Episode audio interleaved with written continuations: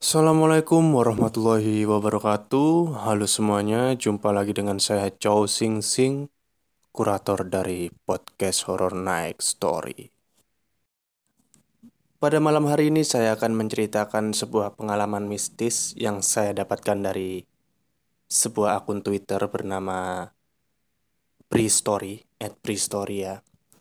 Di dalam ceritanya beliau menceritakan pengalaman seram yang dialami waktu jurit malam. Seperti apa ceritanya? Mari kita simak. Jurit malam. Banyak dari kita pernah melakukannya dengan terpaksa dan mengalami kejadian-kejadian mengerikan dalam acara itu. Aldo dan Malik akan menceritakan tentang pengalaman mereka di acara julid malam di salah satu kaki pegunungan di Bogor yang terjadi pada tahun 1997. Aku sama sekali nggak berani untuk menatap ke depan dan nggak berani melihat sekeliling. Pandangan tetap dan terus aku arahkan ke bawah. Hanya melihat jalan setapak yang sedang kami lewati. Pocongnya masih ada, tuh masih berdiri di bawah pohon. Begitu kata Malik. Udah, Lik. Jangan lu lihat terus. Jangan lihat lagi, kataku. Kami terus menyusuri jalan setapak ini. Jalan setapak tanah yang semakin licin karena tumpahan air hujan. Pepohonan rindang memenuhi hampir seluruh ruang hutan yang sedang kami coba jelajahi. Bunyi dedaunan bertepuk satu dengan yang lain karena bergoyang ditimpa tetesan air hujan, bukan karena angin. Hal ini semakin menambah mencekam suasana. Aku dan Malik masih dalam perjalanan menuju pos 4. Sungguh perjalanan yang teramat panjang. Ketakutan terus menyeruak memenuhi isi jiwa dan pikiranku. Aldo, gue udah gak kuat lagi. Gue capek banget tuh. Sekali lagi Malik berkata dengan gemetar. Sedikit lagi, kita harus kuat. Gak bisa berhenti di tempat kayak gini, jawabku. Pocongnya masih ada tuh. Bau kentang rebus samar-samar terus tercium sejak tadi. Tercium di antara bau tanah yang tersiram hujan. Siapa yang merebus kentang di tengah hutan pada tengah malam seperti ini? Entah apa yang ada dalam pikiranku. Detik berikutnya, aku malah melirik ke tempat di mana pocong itu berada. Benar, Malik bilang, pocong itu masih berdiri di bawah pohon yang jaraknya hanya beberapa meter dari posisi kami. Berbalut kain putih kusam, ada ikatan di beberapa tempat di bagian tubuhnya, sehingga bentuknya terlihat jadi semakin jelas. Aku mempercepat langkah, semakin cepat melangkah hingga nyaris berlari. Ketika beberapa saat berikutnya, pocong itu seperti bergerak mendekat. Aku genggam tangan Malik erat-erat, menariknya dengan paksa agar mempercepat langkahnya juga. Tangisan Malik mulai terdengar nyaris berteriak ketika sadar kalau pocongnya semakin dekat dan mendekat. Tapi, untunglah, langkah kaki kami ternyata lebih cepat dari gerakan pocong. Pelan tapi pasti, sosok pocong itu menghilang dari pandangan kami. Kalian lama sekali, dari mana aja? Jalan-jalan dulu ya? Ucap salah satu kakak pembina yang baru belakangan kami tahu kalau namanya adalah Randy.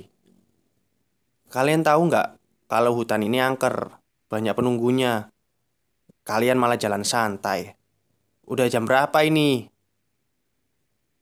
Kakak pembina satu lagi membentak kami setengah berteriak. Maaf kak, kami tadi ketakutan. Berlarian gak tentu arah. Akhirnya kesasar deh. Aku memberanikan diri untuk menjawab. Kami kami melihat pocong, Kak. Jawab Malik sambil menangis. Ah, Baru lihat pocong udah nangis. Jangan manja kamu. Teriak kakak pembina itu lagi. Suaranya menggemah kencang memecah sepi malam. Gak ada yang bisa kami lakukan selain diam dan menuruti apa yang diperintahkan oleh dua kakak senior itu. Selanjutnya, kami diberi pertanyaan dari banyak materi yang sudah kami dapatkan sebelumnya. Beberapa bisa kami jawab, beberapa nggak terjawab, yang berakibat hukuman push up atau hukuman lainnya. Lelah fisik dan batin, kami kerahkan tenaga yang masih tersisa untuk terus mengikuti perintah kakak senior di pos 4 ini. Sampai akhirnya ada suara langkah dari beberapa orang terdengar mendekat dari belakang. LDKS 1997 Tiba-tiba terdengar teriakan seperti itu. Teriakan salam peserta kalau bertemu dengan kakak senior. Ternyata kelompok berikutnya sampai juga di pos 4. Aku dan Malik sedikit bernapas lega karena setelah itu kami dipersilahkan untuk beristirahat sejenak sebelum melanjutkan perjalanan ke pos 5. Kami duduk di bawah pohon, bersandar di batang besarnya. Gue gak kuat lagi doh, takut. Malik bicara seperti itu dengan tatapan kosong dan dengan suaranya yang datar. Tapi kita harus lulus dari julid malam ini. Ini kan salah satu syarat kelulusan. Ayolah, tinggal satu pos lagi. Setelah itu selesai semuanya. Aku terus coba membangkitkan semangat Malik yang sudah nyaris padam. LDKS SMUN 1997 Kami sedang melaksanakan kegiatan ini. Latihan dasar kepemimpinan siswa. Sebagian murid kelas 1 harus mengikutinya. Nggak bisa, nggak. Salah satu bagian kegiatannya adalah jurit malam ini. Jurit malam diselenggarakan oleh ekskul pramuka. Kegiatan dilangsungkan di salah satu kaki gunung di wilayah Bogor. Kaki gunung yang tahun 1990-an masih pedalaman. Sebagian besar wilayahnya adalah hutan rindang dengan pepohonan tinggi besar menjulang. Ya, masih belantara namanya pegunungan dan hutan. Konturnya naik turun mengikuti perbukitan. Gak ada jalan beraspal. Semua rentang permukaan masih tanah dan akan menjadi licin apabila disiram oleh air hujan. Pegunungan ini cukup terkenal di Bogor. Cukup terkenal juga keangkerannya. Memang sangat cocok untuk dijadikan tempat lokasi jurit malam. Aku Aldo, murid kelas 1 salah satu SMUN di Jakarta Angkatan 1997 Sedang dalam satu bagian acara LDKS Jurit Malam. Seluruh peserta diharuskan berjalan menyusuri jalan setapak di tengah hutan Untuk menuju pos-pos yang sudah ditentukan. Pos yang kami kunjungi ada lima Masing-masing pos jaraknya cukup jauh dan kondisi jalan yang sangat menantang. Dari pos satu ke pos berikutnya, semakin gila kondisinya. Menurutku, ini adalah pengalamanku yang paling mengerikan. Masing-masing siswa dibentuk per kelompok. Satu kelompok terdiri dari dua orang. Setiap kelompok berjalan satu-satu setiap beberapa puluh menit, gak bebarengan.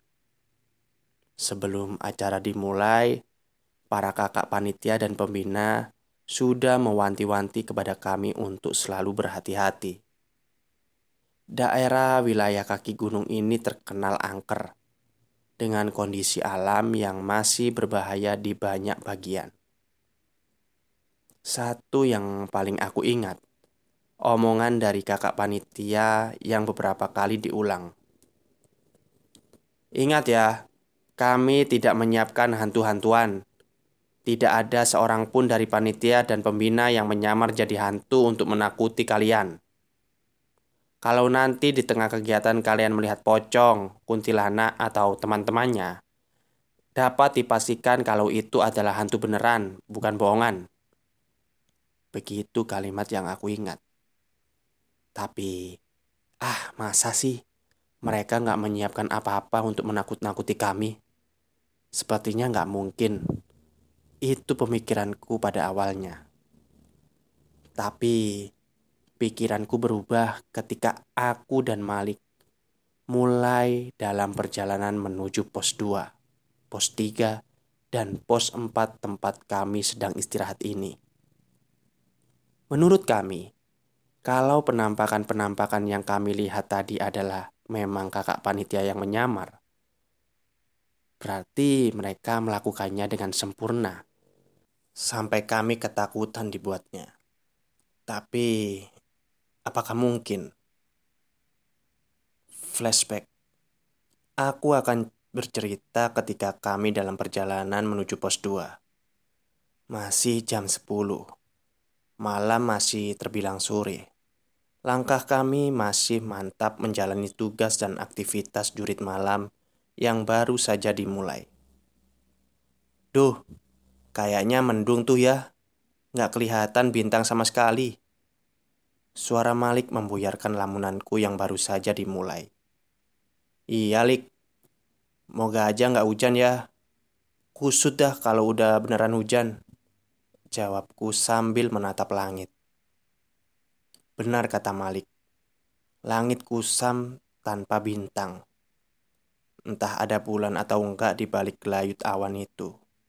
Yang pasti, warna angkasa menambah kesan seram malam ini.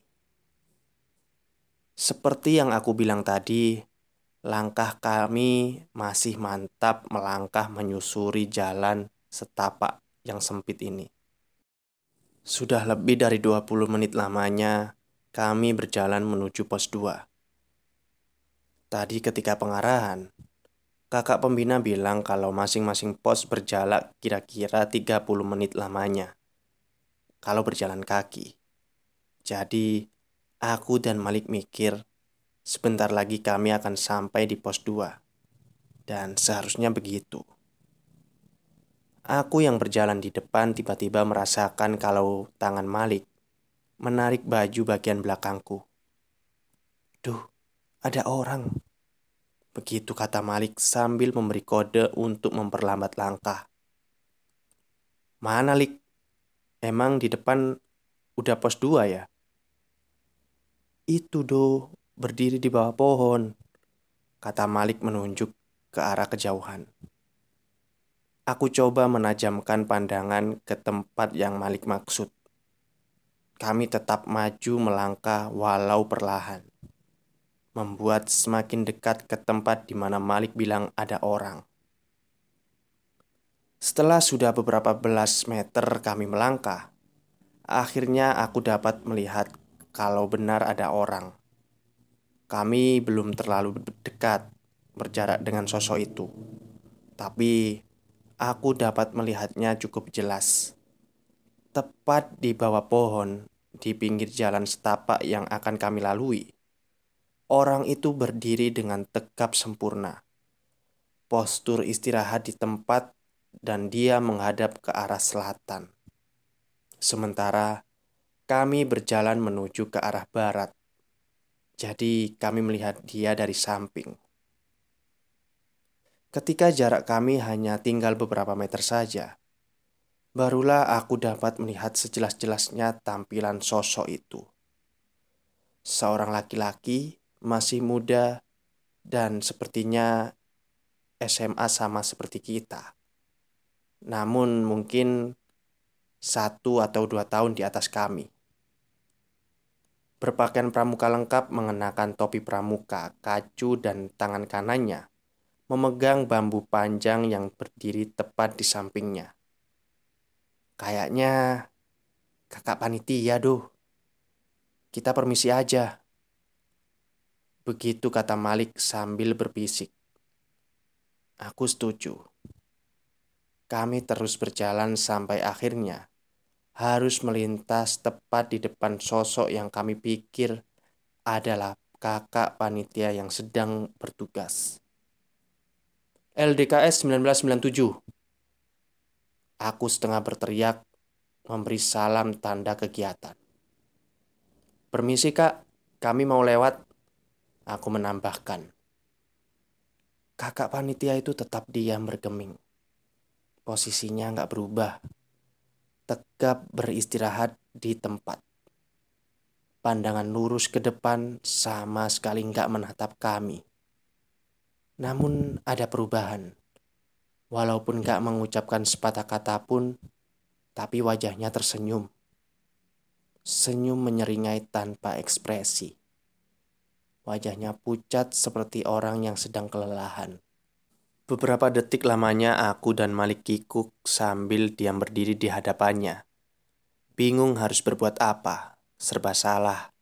Sementara kakak panitia itu tetap pada posisinya. Saat itu aku berpikir kalau memang dia ditugaskan untuk menakut-nakuti kami. Dan tugasnya berhasil karena aku dan Malik mulai merasakan ketakutan. Ayo, jalan aja, Lik. Kayaknya ini bukan pos 2. Aku bilang begitu. Gak menjawab apa-apa, Malik langsung melangkah. Aku mengikuti langkahnya yang terburu-buru itu. Permisi, Kak. Sekali lagi aku mengucapkan salam. Tetap, dia nggak bergerak sama sekali. Posturnya tetap seperti itu dengan wajah tersenyum datar. Aku dan Malik terus berjalan meninggalkannya. Sebelum kami jauh pergi meninggalkannya, aku sebentar melirik ke belakang. Gak ada perubahan. Posisi kakak panitia itu belum berubah. Dia tetap berdiri pada tempatnya. Sekitar 10 menitan, kami sampai juga di pos 2. Ada beberapa kakak panitia yang menunggu di pos ini. Di sini, kami diberi tugas dan pekerjaan yang belum terlalu menyelah, melelahkan. Semua dapat kami selesaikan dengan baik. Setelah itu, kakak panitia mempersilahkan kami untuk beristirahat sejenak. Nah, ketika kami tengah beristirahat, kelompok berikutnya berdatangan, sehingga pos 2 jadi nggak terlalu sepi lagi. Aku masih penasaran dengan kakak pembina yang tadi berdiri sendirian di bawah pohon sebelum kami sampai di pos 2. Makanya, aku menanyakan hal itu kepada teman dari kelompok yang baru datang itu. Eh, 5 atau 10 menit sebelum sampai di sini, lo berdua ketemu kakak pembina nggak? Dia berdiri sendirian di bawah pohon, tapi ditegor diem aja. Lihat nggak? kataku. Kakak pembina. Gak ada ah. Kami gak ketemu siapa-siapa. Sekalinya ketemu orang ya di pos 1 dan pos 2 ini. Di antaranya gak ada orang. Jawab temanku tegas. Aku dan Malik saling bertatapan kebingungan. Ah, mungkin memang kakak panitia, tapi sedang terpisah dari kelompoknya pikir aku dan Malik. Tapi setelah aku perhatikan lagi, ternyata di pos 2 nggak ada kakak pembina yang berdiri sendirian tadi. Wajahnya mereka jelas-jelas berbeda. Aldo, Malik, cukup istirahatnya. Kalian sekarang jalan ke pos 3. Lebih hati-hati lagi. Walaupun jaraknya dekat, tapi kondisi jalan menanjak terus. Berdoa dulu sebelum jalan Semoga selamat sampai ke pos 3. Begitu kata salah satu kakak pembina mengagetkanku. Aku dan Malik langsung berdiri dari duduk, berdoa sebentar, lalu kami melanjutkan perjalanan menuju pos 3. Benar kata kakak pembina di pos 2 tadi. Jalur menuju pos 3 cukup menantang. Lebih banyak menanjak, walau jalan setapak lebih lebar. Pemandangan sekeliling tetap sama. Pepohonan rindang memenuhi ruang hutan yang gelap gulita tanpa cahaya.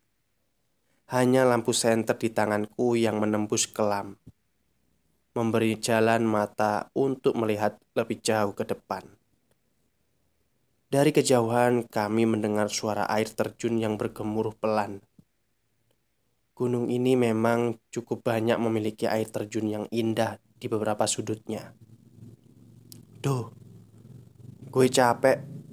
Jalannya nanjak pelan-pelan dulu, doh. Malik yang berjalan di belakang berucap dengan napas ngos-ngosan. Ya, jawabku pendek sambil memperlambat langkah. Malik benar.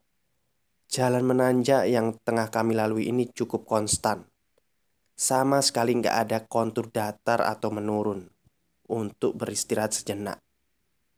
Jadi terus aja kami menanjak.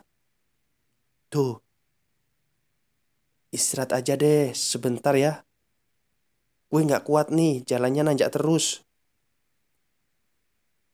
Aku nggak tega melihat Malik. Badannya besar terlihat lelah. Pakaian pramukanya basah bermandi keringat. Akhirnya kami berhenti untuk istirahat sebentar. Suara jangkrik dan binatang malam mulai terdengar bersahutan. Sementara pepohonan rindang tetap diam dan gak bergerak. Tempat kami berhenti ini agak tinggi posisinya, sehingga aku dapat melihat jalanan di belakang jalan menurun yang sudah kami lewati sebelumnya. Tapi ya itu, hanya gelap saja yang kelihatan. Aku melihat sekeliling sambil mengarahkan lampu senter, mencoba memperhatikan sekitar. Gelapnya malam di kaki gunung itu mulai sedikit menggoyahkan nyali. Sepinya seperti memperhatikan kami yang tengah berdiri sendiri. Yuk, jalan lagi, Lik. Agak mulai ngeri nih di sini, merinding gua. Aku berbisik ke Malik. Iya doh, kok agak serem ya? Ayo jalan deh. Lalu kami mulai melangkahkan kaki. Tapi sebentar doh. Malik memegang lenganku, menahan aku supaya berhenti berjalan. Lo denger nggak? Kata Malik. Dengar apaan, Lik? Ada suara doh. Kayak suara langkah orang jalan. Aku lalu diam sebentar dan menajamkan pendengaran. Benar, ternyata terdengar ada suara dari kejauhan. Awalnya sangat samar, hampir-hampir gak kedengar. Tapi yang pasti, suara itu berasal dari belakang dari jalan yang sudah kami lewati sebelumnya. Jalan yang posisinya sudah berada di bawah, sementara kami sudah agak di atas. Semakin lama suara itu semakin jelas. Sementara itu, aku terus mencari sumbernya. Lampu senter kuarahkan cahayanya ke tempat yang kami curigai sebagai asal suara. Kira-kira seperti itulah suaranya. Seperti suara langkah kaki yang sedang berbaris. Seperti ada sekelompok orang yang sedang berjalan bersamaan. Suaranya semakin jelas. Semakin yakin kalau itu memang suara orang yang sedang berjalan berbaris. Dan mereka sedang berjalan menuju ke arah tempat kami sedang berdiri. Benar saja, akhirnya cahaya lampu senterku menangkap objek yang sepertinya merupakan sumber suara itu. Awalnya belum terlalu jelas, tapi lama-kelamaan menjadi semakin jelas karena jarak kami semakin dekat. Ya, ternyata benar. Aku dan Malik melihat ada tiga orang yang sedang berbaris, memanjang ke belakang berjalan cukup cepat di kondisi jalan yang menanjak. Perlahan kami kompak bergerak ke pinggir di sisi jalan setapak dengan maksud memberi jalan kepada tiga orang ini untuk mendahului. Brek, brek, brek. Mereka terus melangkah mendekat, semakin mendekat. Aku dan Malik hanya diam sambil terus memperhatikan siapa orang-orang ini. Kelompok peserta LDKS sama seperti kami kah? Ah, tapi bukan. Karena per kelompok hanya dua orang, sedangkan mereka bertiga. Kelompok kakak pembinakah? Mungkin saja. Tapi beberapa belas detik kemudian, kami baru sadar kalau mereka jelas-jelas bukan kakak pembina. Tiga orang berseragam pramuka lengkap dengan masing-masing tangan kanannya memegang tongkat bambu panjang. Hingga akhirnya mereka hanya tinggal beberapa meter saja dari tempat kami berdiri. Keterkejutan kami yang pertama adalah sosok yang berjalan paling depan. Kami yakin kalau ini adalah sosok yang sama dengan yang kami lihat sedang berdiri sendirian di bawah pohon sebelum pos 2 tadi. Kami yakin itu. Kami masih sangat hafal dengan wajahnya, gesturnya, dan senyumnya. Ya, dia masih terlihat senyum tanpa ekspresi, sambil terus berjalan melangkahkan kaki. Sementara di belakangnya ada dua orang dengan penampilan sama, berpakaian pramuka lengkap dengan topi dan kacu. Tapi sebentar, ada keterkejutan kami yang kedua keterkejutan yang akan membuat kami ketakutan amat sangat. Setelah mereka benar-benar sudah berada di hadapan, secara sadar dan sangat jelas, kami melihat kalau ternyata sosok yang berjalan paling belakang gak mengenakan topi pramuka, seperti dua teman di depannya, tapi dia tetap mengenakan seragam pramuka lengkap. Tahu nggak kenapa sosok yang berjalan paling belakang itu tidak mengenakan topi? Itu karena dia tidak memiliki kepala. Dia berjalan berbaris di belakang tanpa kepala. Ada pramuka berjalan tanpa kepala, pikirku. Malik langsung jatuh terduduk di sampingku berdiri. Sementara aku diam sambil terus memperhatikan. Tubuhku lemas, tulang-tulang rasanya seperti lepas dari engselnya. Jantung seperti berhenti berdetak melihat semua itu.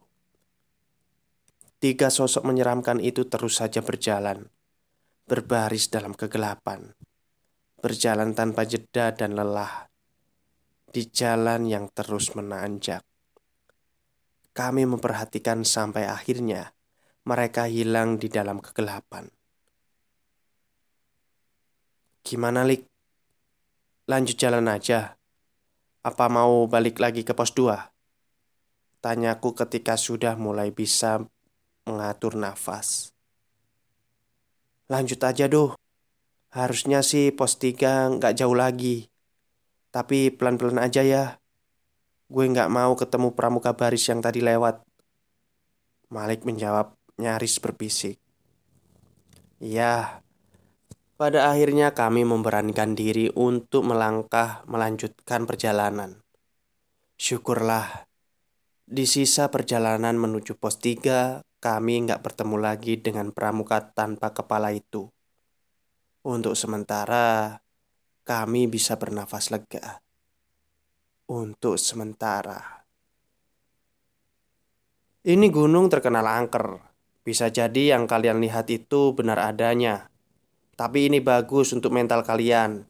Gak boleh takut sama hantu. Jangan manja. Begitu kata salah satu kakak senior penunggu pos 3. Ketika kami menceritakan kejadian yang baru saja kami alami. Ah, ya sudahlah. Yang penting kami sudah cerita. Setelah selesai melaksanakan tugas di pos 3, lagi-lagi kami dikasih kesempatan untuk istirahat sebentar sebelum melanjutkan perjalanan ke pos 4. Singkatnya, perjalanan dari pos 3 menuju pos 4, kami nggak bertemu lagi dengan barisan pramuka yang salah satunya tanpa kepala.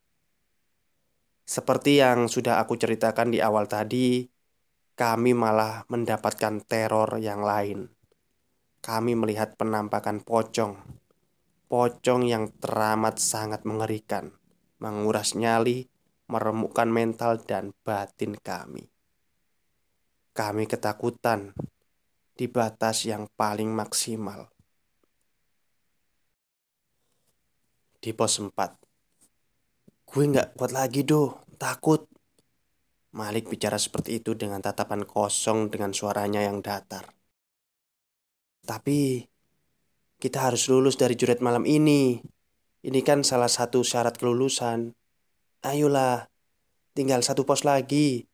Setelah itu selesai semuanya. Aku terus coba membangkitkan semangat Malik yang sudah nyaris padam.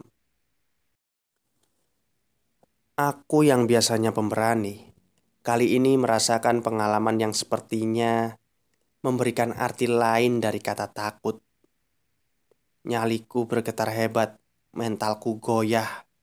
Tapi walaupun begitu, kami harus tetap maju. Harus menyelesaikan jurit malam ini. Aldo, Malik, cukup istirahatnya. Ayo kalian lanjut ke pos 5, pos terakhir. Salah satu kakak pembina memberi kami perintah.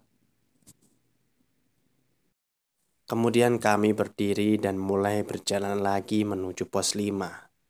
Pos terakhir. Kondisi jalan menuju pos 5 ini lebih banyak menurun. Walau sesekali ada sedikit tanjakan. Memang, sepertinya kami menuju kaki gunung yang paling rendah, menuju perkemahan tempat kami menginap. Jarum jam pada jam tangan sudah menunjukkan ke arah pukul satu lewat tengah malam. Hujan yang turun sejak pos 4 tadi tiba-tiba berhenti, menyisakan becek di jalan menurun dan menjadikannya licin. Kami harus berhati-hati berjalan jangan sampai terpeleset. Sejak lepas dari pos 4 tadi, aku dan Malik lebih banyak diam. Sama-sama memperhatikan jalan mungkin juga sama-sama masih trauma dengan dua kejadian di belakang tadi. Sungguh kami masih ketakutan. Kira-kira sudah 15 menit namanya kami meninggalkan pos 4. 15 menit yang terasa seperti berjam-jam lamanya. Di heningnya gelap hutan, perlahan semilir angin terdengar datang bertiup menggerakkan pepohonan, membuatnya bergerak melambai walau masih nggak bersuara. Suara jangkrik dan binatang hutan lain yang tadinya cukup ramai bersahutan perlahan menghilang, menyisakan sepi yang teramat sangat. Hanya hembusan angin yang jadi iringan kelam. Di titik ini, kami mulai ketakutan lagi mulai merasakan kejanggalan lagi karena sepinya benda, heningnya mencekam. Duh, cepetan duh, buruan. Malik yang lagi-lagi berjalan di belakang bilang begitu. Sambil tangannya mendorong tubuhku memaksaku untuk berjalan lebih cepat lagi. Aku menuruti omongannya, lalu melangkahkan kaki lebih cepat di atas jalan setapak yang masih licin akibat hujan. Ada apa, Lik? Tanyaku setengah berbisik. Jangan nengok ke belakang. Ada pramuka yang gak ada kepalanya. Malik bilang begitu dengan suara gemetar. Mendengar Malik bilang begitu, aku semakin cepat melangkah. Tapi rasa penasaran mengalahkan segalanya. Akhirnya aku nekat untuk menoleh ke belakang. Dan benar, di belakang kami ada sosok berseragam pramuka, berjalan tanpa kepala. Dia terus mengikuti kami. Sosok tak berkepala itu kali ini berjalan tanpa suara, dan kali ini dia berjalan sendirian. Kami ketakutan, lalu mulai panik. Kemudian Malik mendahuliku sambil berlari. Duh lari duh, gue takut, gue duluan. Dia bilang begitu sambil menangis pelan. Sontak aku jadi ikut berlari di belakangnya. Sesekali aku melirik ke belakang. Ternyata sosok pramuka tanpa kepala itu masih saja mengikuti. Kami sangat ketakutan. Lampu senter yang tadinya ada di genggaman tiba-tiba terlepas. Setelahnya, semua menjadi gelap. Kami berjalan di dalam gelapnya hutan. Keluar dari jalan setapak, berlari ketakutan gak tentu arah. Sampai akhirnya aku terjatuh karena kaki tersandung sesuatu. Dan setelah itu aku gak ingat apa-apa lagi. Duh, lo udah bangun? Gak apa-apa. Suara Malik terdengar menyadarkanku. Ternyata kami sudah ada di dalam tenda. Aku terbaring dalam sleeping bag. Jam berapa ini, Lik? Kita di mana ini? Tanyaku. Sekarang udah jam 4 doh, di base camp, di pos 5. Tadi kita sama-sama pingsan di dekat sini. Ditemuin sama tim penyapu. Hehehe. Begitu penjelasan Malik. Syukurlah kami baik-baik saja. Hanya ada sedikit luka lecet dan memar akibat terjatuh. Sungguh, pengalaman jurit malam yang sangat menakutkan dan tidak akan pernah aku lupakan. Oke, terima kasih kepada Bristory yang sudah mengizinkan saya untuk menceritakan ceritanya di podcast Horror Next Story. Dan semoga kalian semua yang mendengar cerita ini tidak mengalami kejadian hal-hal yang seperti saya ceritakan tadi. Baik, terima kasih kepada kalian yang sudah mendengarkan cerita saya. Selamat malam dan selamat beristirahat.